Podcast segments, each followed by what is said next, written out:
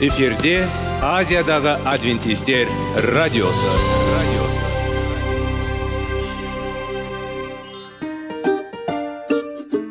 сәлем достар. Денсаулық өмір бұлағы және біздің бірінші байлығымыз демекші денсаулық сағаты рубрикасына қош келдіңіздер. Біздің рубрикада біз әртүрлі факторларменен мәліметтерменен кеңестерменен бөлісіп шын жүректен сіздердің дендеріңіз сау болғанын қалаймыз. Сол үшін біздің рубрикаға қош келдіңіздер. Дайындалып тұрыңыздар. Өйткені келесі минуттарда қызықты фактілерге ие боласыздар. Енді достар ең бірінші байлығымызды қолымызға алып алға кеттік.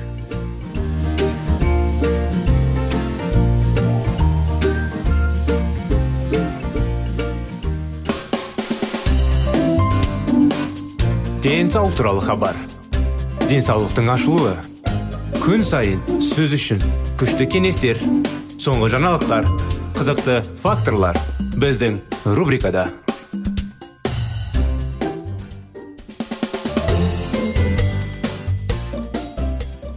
достар құрметті біздің тыңдаушылар армысыздар сәлеметсіздер ме ассалаумағалейкум дейміз сіздерге сіздердің назарларыңызға денсаулық сағат бағдарламасы қытай зерттеулері тақырыбымен ары қарай жалғастыра кетейік аурулардың мұндай байланысы бұрыннан белгілі болды қытай зерттеуінде көптеген аурулар мен халықты тамақтану ерекшеліктері туралы мәліметтердің теңдесі жоқ. Сына жана болды. Күтілгендей белгілі бір аурулар шынымен бірдей географиялық аймақтарда топтастырылған. Бұл олардың пайда болуының жалпы себептерін ұсынады. Бұл екі ауру тобы әдетте байлар мен кедейлердің аурулары деп аталады. Дамушы елдердің халқы бай болған сайын адамдар тамақтану өмір салты мен санитарлығына өзгертеді. Халықтың әл уақыты неғұрлым жоғары болса адам кедей емес. Байлардың ауруларынан өледі. Байлардың аурулары тамақтану әдеттерімен тығыз байланысты болғандықтан олардың артық тамақтану аурулары деп атауға болады. Батыс әлемдегі адамдардың көпшілігі олардан өледі. Сондықтан бұл ауруларды батыс деп те айтады. Кейбір қытай округтерінде байлардың ауруларының сирек кездесетін ал басқаларында жиі кездесетін. Қытай зерттеуінің басты сұрағы бұл тамақтану айырмашылығының туындады ма статистикалық маңыздылығы бұл тарауда мен әртүрлі көрсеткіштердің статистикалық маңыздылығын атап өтемін. Рим цифрі бір 95 пайызға және одан жоғары ықтималдықты білдіреді. Рим цифрі 2 ықтималдағы 99 пайыз және одан жоғары. Ал рим цифрі 3 ықтималдағы 99-да 9 пайыз және одан жоғары. Римдік санның болмауы дейді. Ықтималдағы 95 пайыздан аз. Бұл байлықтың байқаудың бұрыс болуы. Ықтималдығы туралы. 95 пайыздың ықтималдығы 20-дан 19 мүмкіндіктің білдіреді. Бұл байқау дұрыс. 99 пайыз ықтималдығы. 100-ден 99 мүмкіндік. 99-да 9 пайыз ықтималдығы мыңнан 999-ға мүмкіндік. Қандағы холестерин және ауру деңгейі. Біз әр округтегі батыстық аурулардың таралуын тамақтану мен өмір салтының көрсеткіштерімен салыстырды және таң қаларлық ең маңызды прекурсорлардың бірі екенін білдік. Батыс аурулары қандағы холестерин деңгейі. Сіздің тамағыңызда және қаныңызда холестериннің екі негізгі категориясы бар. Азық түлік холестерині тағамда кездеседі. Бұл қант майлар ақуыздар дәрумендер мен минералдар сияқты тағамның құрамдас бөліктерінің бірі. Мұндай холестерин тек жануарлардың тағамында болады және бұл туралы оның қамтамасының оқуға болады дәрігер сіздің холестерин деңгейіңізді тексерген кезде сіз қанша холестеринді тұтыныңызды біле алмайды.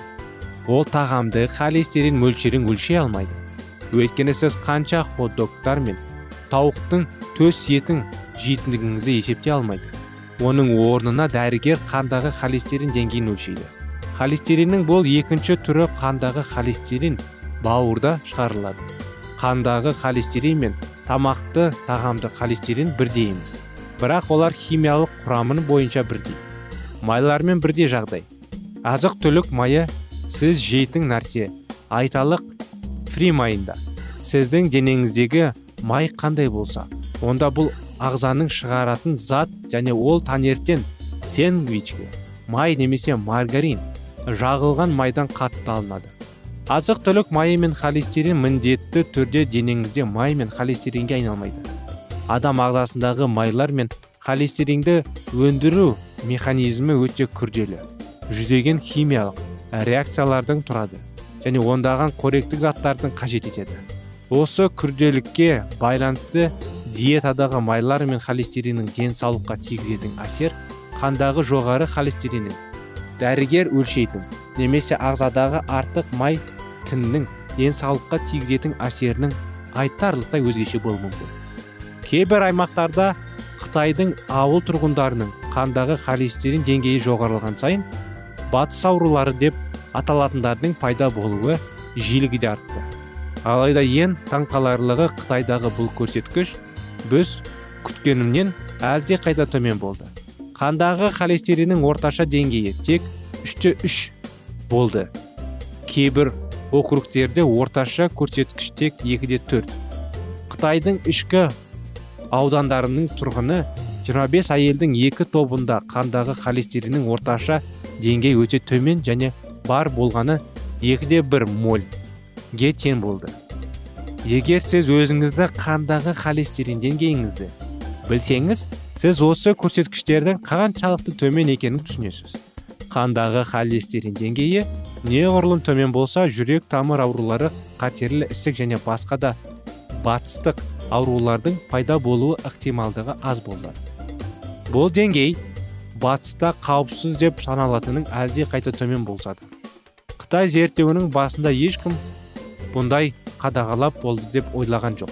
Әйелі холестерин мен кез келген аурудың жиілігі арасындағы байланыс. Бұл біз үшін нағыз тосын сый болды. Қандағы холестерин деңгейі төмендеген кезде төртте бір мольден екіде үш мольдге дейін ауыр. Тік ішек жартылай ішек. Ерлердегі өкпе әйелдердегі өкпе. Сүт безі балалардағы лейкемия обырының пайда болуы жиілігі төмендеді. Ересектердегі лейкемия балалардағы ми ересектердегі ми асқазан және өнеш жұлдыру. Көріп отырғаныңыздай әсерлі тізім. Көптеген адамдар қандағы холестериннің жоғары деңгейімен жүрекке алаңдауға тұрарлық екенін біледі. Бірақ олар бұл жағдайда қатерлі ісіктен қорғау керек екенін білмейді. Осындай анықтамалар құрметті достар холестерин жайлы зерттеулер жайлы. Бізбен болғандарыңызға рахмет. Зерттеуінің жалғасын келесі бағдарламада жалғастырамыз. Келесі бағдарламамызға дейін сау болыңыздар.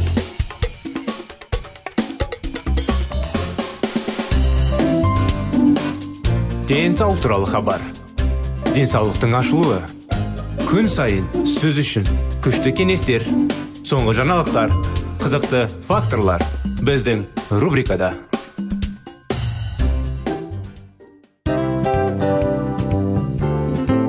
Әуелі байлық денсаулық екінші байлық он саулық үшінші байлық ақ жаулық. Ал енді осындай радио парақшадан кейін не дейміз? Барлықтарыңызға денсаулықтарыңыз зор болсын деп тілейміз. Денсаулықтың өзгеруі кішкентай нәрселерден басталады. Осымен біз берген кеңестер мен мәліметтер шын жүректен сіздер үшін қандай да бір болсын жәрдем берді деп үміттенеміз. Тыңдаушыларымызбен келесі радио парақшасына дейін қоштассамыз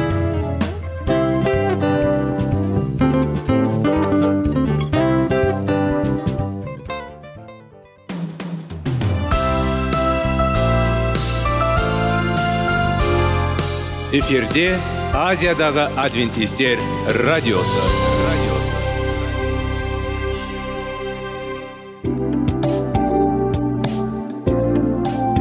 сәлем достар. Барлықтарыңызға шын жүректен сөйлесейік рубрикасына қош келдіңіздер деп айтпақшымыз. Шын жүректен сөйлесейік бағдарламасы әртүрлі қызықты тақырыптарға арналған. Шындығында шын жүректен сөйлесейік деген сөздің мағынасы екі достың екі адамның ортасындағы шын жүрекпен сөйлесуі бір біріне сенуі ашықтық пен шындықты білдіреді. Сол үшін біздің бағдарламалар әртүрлі қызықты тақырыптарға арналған. Дайындалыңыз жаңа қызықты мәліметтерге ие болуға. Ондай болса кеттік.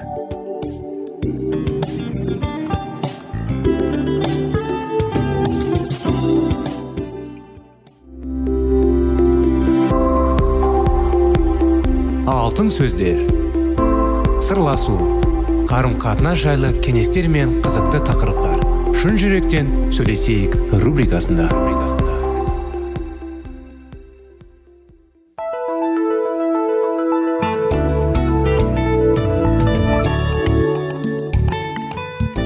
Сәлем достар. Армысыздар құрметті радио тыңдаушыларымыз. Сіздермен бірге шын жүректен сөйлесейік. Бағдарламамыз қош келдіңіздер. Біздің бағдарламамызға сіздердің назарларыңызға 25 керемет неке оқиғаларын жалғастырудамыз. істі бастаған кезде оның аяқталу жайында да ойланыңыз. Сіз көптеген ә, романтикалық фильмдерде және кітаптардың желісінің тек қана махаббат оқиғасының басталған жерін ғана суреттеп көрсететінін байқап қалдыңыз ба? Осы сәтте өзіңіздің ең ең сүйікті махаббатыңыздың романтикалық оқиғасы жайында ойланыңызшы біз біреулердің мұндай оқиғаны есіне алудың өте оңай болатынын ал басқалар үшін күрделі болатынын түсінеміз. Оның желесі қандай болады екен? Осы оқиғадағы кейіпкеріміз шығармадағы кейіпкер қыздың көңілін табуға тырысқан кезде сіз эмоциялық сезімді бастан кешіретініңіз шындық па? Және сіз олардың тағдырының бұрылысын қадағалап отырған кезінде олар бір бірімен алғаш рет сүйісуге дайын болған кезде ғашықтарды бір нәрсе алдатқан сол сәтте сіз орындыққа бұғылауанып қалғандайсыз әлбетте уақытша кедергі жасайтын бөгеттер де болады бұл. Бақыттылас жан жүйелерінде пікірталастар немесе күтпеген жерден қарақат алу. Бірақ біз осының барлығын немен аяқталатынын білеміз. Сөйтіп ғашықтарды екі жаққа бөліп жіберуге қауіптендіретін барлық мәселелерге қарамастан бақыт нұрын шашқан көздер барлық қиындықтарды жеңудің амалын табады. Және оқиға олар бақытты болып ұзақ өмір сүрді деген сөздермен аяқталады. Біз олардың ұзақ және бақытты ғұмар кешінен білеміз. Бірақ ол қалай болады екен? Шығарманың жақсы басталуы бұл әңгіменің оңай айтылатын бөлімі. Оқиғаның орта тұсында және еңбектенуге тура келетін кезде күрделі болады. Әлбетте біздің ә, медицинамыздың махаббат оқиғаларының қалай басталатынын бақылауға қосып алатындығының да шығар бір біріне ғашық болған жас жұбайлар той салтанатының қалай өткізілетінін жөнінде ойластырып бірнеше сағат бойы жоспар жасайды. Бірақ олар тойдан кейінгі жылдарды қалай өткізетіндігі жөнінде ойлануға ағзантай ғана уақыт беріледі. Қалыңдық той көйлегін таңдаумен өлшеуге көп уақытын көтеру мүмкін бірақ осы кезде ол некелесу мәселесі бойынша берілетін конституцияға өте аз уақыт жұмсау мүмкін.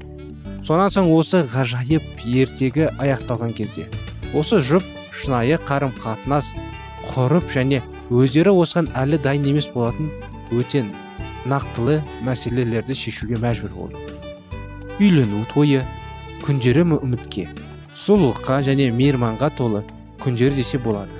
Алайда егер жұптар оның басталуына қарағанда өз оқиғасын жыламай бақытты аяқталуын жоспарлайтын болса үміт пен қарым қатынастардың кереметіндігі ұзақ уақытына созылуы мүмкін. Ұзақ және бақытты деген сөз орамы. Біздер үшін кедергі тас болуы керек. Себебі бұл біз соның ізінен еріп жүруге және мұқият сапқа тұруға тиісті болған болады. Айлаңызға кез салыңыз. Көз салып және адамзат танышпаны шығармашылығының бір тамаша өнімін таңдап алыңыз. Бұл заттың үй автокөлік немесе тіпті сіз отырған орындықта болуы мүмкін. Сіз қандай затты таңдап алсаңыз да ол жақсы ойластырылған жұмыс пен шеберліктің нәтижесі болып табылады. Бірақ сіз бәлкім осы бұйымның екі рет жасағаның жөнінде ойланбаған шығарсыз. Бір рет ол адамзат данышпандылығының шығармашылық талдамасы болды. Ал екінші рет ол осы жобаның нақтылы түрде іске асырылуы болған екен. Материалдық жағынан нақтылы түрде көрсетуде үнемі шығармашылық ниет те одан бұрын болып өтеді. Бірінші кезең бұл адамның ойындағы нақты жоспарларының немесе затының жобасын ойлап шығаруы. Екінші кезеңген ол жеткізу үшін сол жобаны іске асыру үшін қажетті материалдар және ең бек ету керек. Біз не жасасақ та не жай бутерброд болсын немесе қандай да болмасын күрделі жаңағындай механизм мысалы көк тірегейін үй болса ең алдымен оны көз алдымызға елестетуіміз керек. Және содан кейін ғана материалдық әлемге нақтылы түрде көрсету керек. Егер үйдің сызбасы жасалмаса сіз тіпті үй туралы армандамаған да болар едіңіз. Осы кезде бейбіт керіктің болатын еді. Кез келген әдемі үй. Жақсы ойластырылған жобадан басталады. Тек үйдің жобасын жасап болғаннан кейін ғана қажырлы еңбек пен дұрыс таңдап алынған материалдардың себебімен үйдің құрылысын сала бастауға болады. Үйдің сызбасы үйді салу құрылысына жұмсалатын шағындарды есептеп шығару үшін де маңызды болады. Сіз оған қанша қаражат шығынданатынын бермей алайық. Үй құрылысын бастауға кірісіп кетер едіңіз? Өмірді қалай құруға болатынын жөнінде тәлім берген кезде иса осы сұраққа қойған еді. Сендердің біреуің бір мұнара салғынарақ келеді дейік. Сонда ол құрылыстың аяқтауға қаражатының жетер жетіспесін білу үшін алдымен отыра алып кенететін шығынды есептен алады. Ол солай өтпесе де іргетасын қалағаннан кейін бастаған ісін аяқтай алмас еді. Мұны көргендердің бәрі мыңнан құрылысты бастағанымен аяқтауына шамасы жетпес еді деп оны мадақтар еді. Үй салудың немесе отау құрудың екеуінің еңбек етудің реттелігі болуы маңызды. Ал сіз енді қандай некені құрып жатырсыз? Сіз некеңізді жақсы ету үшін соның шығындарын есептеп еңбек етудің құнын білесіз бе? Құдай сіздің некеңіздің жаман аяқталғанын қаламайды. Ол отауымызды құру кезінде шала істеп бастаған ісімізді соңына дейін жеткізбегенімізді қаламайды. Сіз қандай адам болсаңыз көптеген бері үйленгіңіз бе немесе үйленбегенсіз бе? Соған қарамастан сізге құдайдың жоспарын пайдалануға әлі кеш емес. Осымен құрметті достар бағдарламамыз бүгінгі күнде аяғына келді. Келесі жолға дейін сау болыңыздар.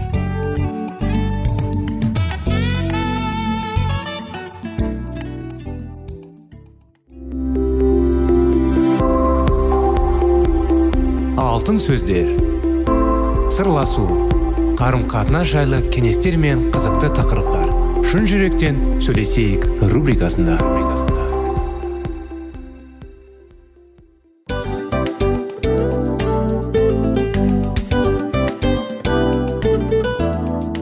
Құрметті достар барлық ең соңғы кеңестер аяқталған соң біздің программамыз соңына келіп қалды. Осы біздің мәліметтер осы рубрикада айтылған әрбір сөздер сіздерге өзінің қандай да бір пайдасын алып келді деп шын жүректен сенеміз. Және бұдан да көптеген рубрикаларымыз бар. Басқа рубрикаларымызда біздің зерттеулерімізде сіздер үшін тағы да қызықты мәліметтер дайын. Біздің шын жүректен сөйлесейік парақшамызда көптеген әдістер ең соңғы кеңестер адамның нравственность жақтан моральдық жақтан тазалап байыта тұрған соңғы кеңестердің барлығын жанарады. Сондықтан алдыңғы күндерде бізбен бірге болыңыздар. Өйткені барлық қызықтар алдыда. Бізбенен бірге болғандарыңызға үлкен рахмет. Келесі кездескенімізше сау сәлемет болыңыздар.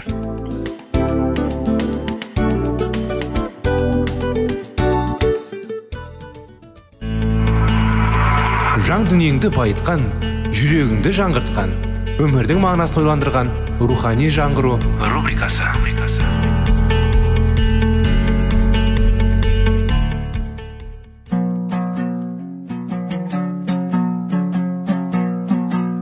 Ассалаумағалейкум біздің тыңдаушыларымыз келі кітаптың шындығын ашып берген қысқа бағдарламасына қош келдіңіздер. Барлығынан жоғары жаратушы біздің қарыңғылықта жалғыз қалдырып қойған емес. Өйткені ол келешекте не болу керек екенін киелі кітаптың парақтарында ашып береді. Немесе келіңіздер бізге қосылыңыздар. Жаратушы бізге нен ашып бергенін зерттейміз. Сенімдігілердің кейбіреулері россияға келіп колониялар құрып ізгі хабарды уағыздады. Және осы күнге дейін уағыздап келеді. Бұл шырақ франция мен швейцарияда да жарқ етті. Кезінде фарель мен кальвин реформация ілімін таратқан женевада енді гостин ізгі хабарды уағыздады. Гостин студент кезінен өзінде ақ сол кездегі еуропада 18 ғасырдың аяғы мен 19 ғасырдың басында үстемдік құрған рационализм рухын бой ұсынып кейіннен діни дәрежеге көтерілгеннің өзінде ақиқат жайлы көп ештеңе біле қойған жоқ. Керісінше скептицизмді көбірек қолдады. Жас кезінде ол аяндарды оқығанды жақсы көретін роланның ежелгі тарихын оқығаннан кейін даниал пайғамбарының кітабының екінші тарауына көңіл бөлгеннен кейін ол аяндардың тамаша бір дәлдікпен орындалатындарына және тарих жазбаларында өз орындарын тапқандарына таң қалды. Осыдан кейін ол киелі кітаптың бірден бір ақиқат екеніне көз жеткізіп өмір тасқынына түскен кездерінде оны неше рет зәкір ретінде қолданды десеңізші. Рационализм ілімі оның қанағаттандырманды дек киелі кітапты зерттей отыра және үлкен жарыққа ұмтылуының арқасында ол нағыз иманға қол жеткізді. Аяндардың зерттей отыра ол ақырдың алыс емес екенін білді. Бұл хабардың салтанаттығына шаттанған гостин өз қуанышын жұртпен бөліскен келеді. Бірақ даниал пайғамбарының кітабындағы аяндардың мағынасын түсіну қиын құпиясы көп деген көпшіліктің пікірі оның жолына неше түрлі кедергілер қойды. Сол себепті ол фарелдің тәсілдерін пайдаланып уағыздарын балалардан бастап солар арқылы ата аналарын да қызықтырмақ болды. Неліктен ол өз жұмысын балалардан басталды. Бұл оның еңбегінің маңызсыздығының емес. Керісінше оның балаларға дайындаған әңгімелері нағыз ақиқат болатын. Және баға жетпес осы ақиқатты ол бәріне түсінікті болатын қалыпта мазмұнда бергісі келді. Егер ақиқат балалардың көкелерінде өз ісін қалдырып оны тобы көбейе бастаса онда бұл сөз үлкендердің де жүректеріне жетер деген ниетте болды. Бір сөзбен айтатын болсақ жұрттың оны естігенін қалады. Бірақ бірден үлкендерден бастаса олай болмай қалама деп қауіптенді. Сол себепті де ол әуелі ең кішкентай адамдарға барды. Мен балаларды жинадым. Және іште былайша ойладым. Егер кішкентайлар мені қызығушылықпен таңдаса онда менің не айтқым келетінін түсінгені онда дәл осында екінші топ жиналу мүмкін. Сол кезде үлкендер де айтылып жатқан хабар баратын тыңдауға тұрарлық екен доп ойлауы мүмкін. Олай бола қалған жағдайда істің алға қарай басқаны осылайша госсеннің еңбегі ақталды. Балалардан кейін оны үлкендер де келіп қызығушылықпен тыңдайтын болды. Тыңдаушылардың ішінде қарапайым адамдар ғана емес ғылымдар мен беделді адамдар да болды. Тіпті женеваға бөтен жерлерден келген қонақтар да бұл лекцияларды тыңдап сонан соң өз елдерінде уағыз болған. Табысына шабыттанған госсен өз лекцияларын жаралай бастады. Және де діни қызмет француз тілінде жүретін шіркеулер оған қызығушылық танытады деп үміттенді. Балаларға арналған насихатты жариялай отыра мен шын мәнінде оларды аяндар құпия және түсініксіз дейтін үлкендерге ұсындым. Егер де оларды балаларын өздері түсінетін болса оны несі түсініксіз? Мен өз мәжілісханамды осы аяндармен сондай таныстарғым келеді. Олар дер кезінде айтылып тұрғандай. Аяндарды зерттеу бізді болатын сынақтарға шындап сергек болуға және иса мәсіхті үмітпен күтуге көмектеседі деп жазды ол. Госсен женевада француз тіліне рухани тәлім беретін екі сүйікті де сыйлы дін уағыздаушылардың бір болығымен шамалы уақыттан кейін ол өз қызметінен шеттеледі. Жазғырудың жалғыз ғана себебі оның еңбек барысында шеркеудің жансыз және рационалистік катехизисінің орнына киелі жазбаны пайдаланғандағы. Кейіннен ол дін мектебінің мұғалімі болып орналасты. Ал жексенбі күні бұрынғынша балаларға келі жазба бойынша сұрақ жауап ретінде сабаққа жүргізді. Оның аяндары зерттеуі үлкен қызығушылық туғызды. Гостин көп жылдар бойы кітап беттерінің мұғалімдер орнанатын. мінбеден халыққа жақсы ой салып тәңірдің келетін мезгілі тақуа екеніне нұсқайтын аяндарға көпшіліктің назарын аудара отыра мәнді еңбек атқарды. Мәсіх исаның екінші рет жер бетіне келетіні жайлы хабар скандинавияда да тен кен түрде тарай бастады. Осыдан кейін көпшілік адамдар рухани ұйқыдан оянып өздерінің қаншалықты күнәқар екендерін мойындап құдайдың күнәқарларына исаның атынан кешірім өтінді. Мұндай әрекетке мемлекет шіркеуінің басшылары қарсы келіп кейбір таза ілімді уағыздаушы қызметкерлерді қамауға алып зынданған тастады. Басқадай хабаршылар болса оларды ауыздарын ашпауға мәжбүр етті. Сол кезде құдай өз қарауы ретінде балаларды таңдап алды. Себебі мемлекеттік заң жастары мәмлекетте кәмелетте томағандарға ешқандай жаза қолдана алмайтын болды. Ал балалар болса тоқтаусыз сөйлеп ақиқатты жариялады. Уағыздың мұндай түрі негізінде қауіптің алдын алуға беріліп тұрған ескертулерді тыңдау үшін үйлерінде жұрт жиналатын қарапайым бекілердің арасында таным болды. Бұл ақиқаттың жаршылары көбінесе қарапайым жанұялардың балалары болатын. Жастары алты жетіден аспанға кішкентай балалар құтқарушының жанында жақсы көрді. Оның киелі талаптарын мүдіретпей орындауға тырысты. Олардың әрқайсысының ой өрісі жастарына сай келетін дегенмен халық арасына шығып сөз сөйлеген кездерінде құдіретті күштің иесі оларды жетелеп тұрғанын бірден байқалатын. Тіпті киелі кітаптағы өлеңдерді жатқа жайып құдайдың қорқыңдар оны есімін мадақтаңдар өйткені сот басталды деген көздерінде олардың дауыстарында да ерекше бағытын болады.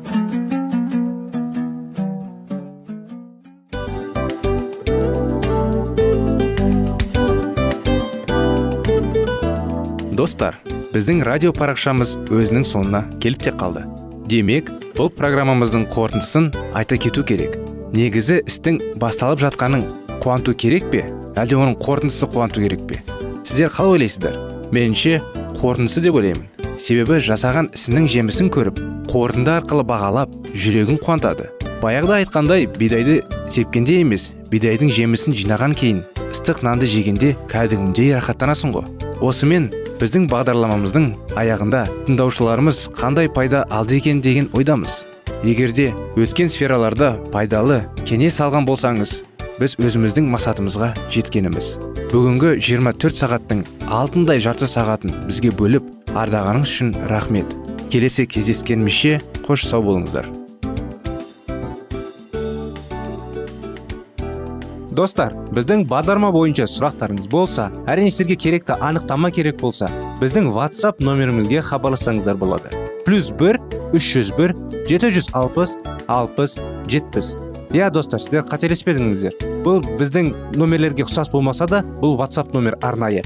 Хабарласыңыздар сұрақтарыңызды қойып тұрыңыздар. Анықтаманы алып тұрыңыздар. Плюс бір үш жүз бір жеті жүз алпыс алпыс жетпіс номері.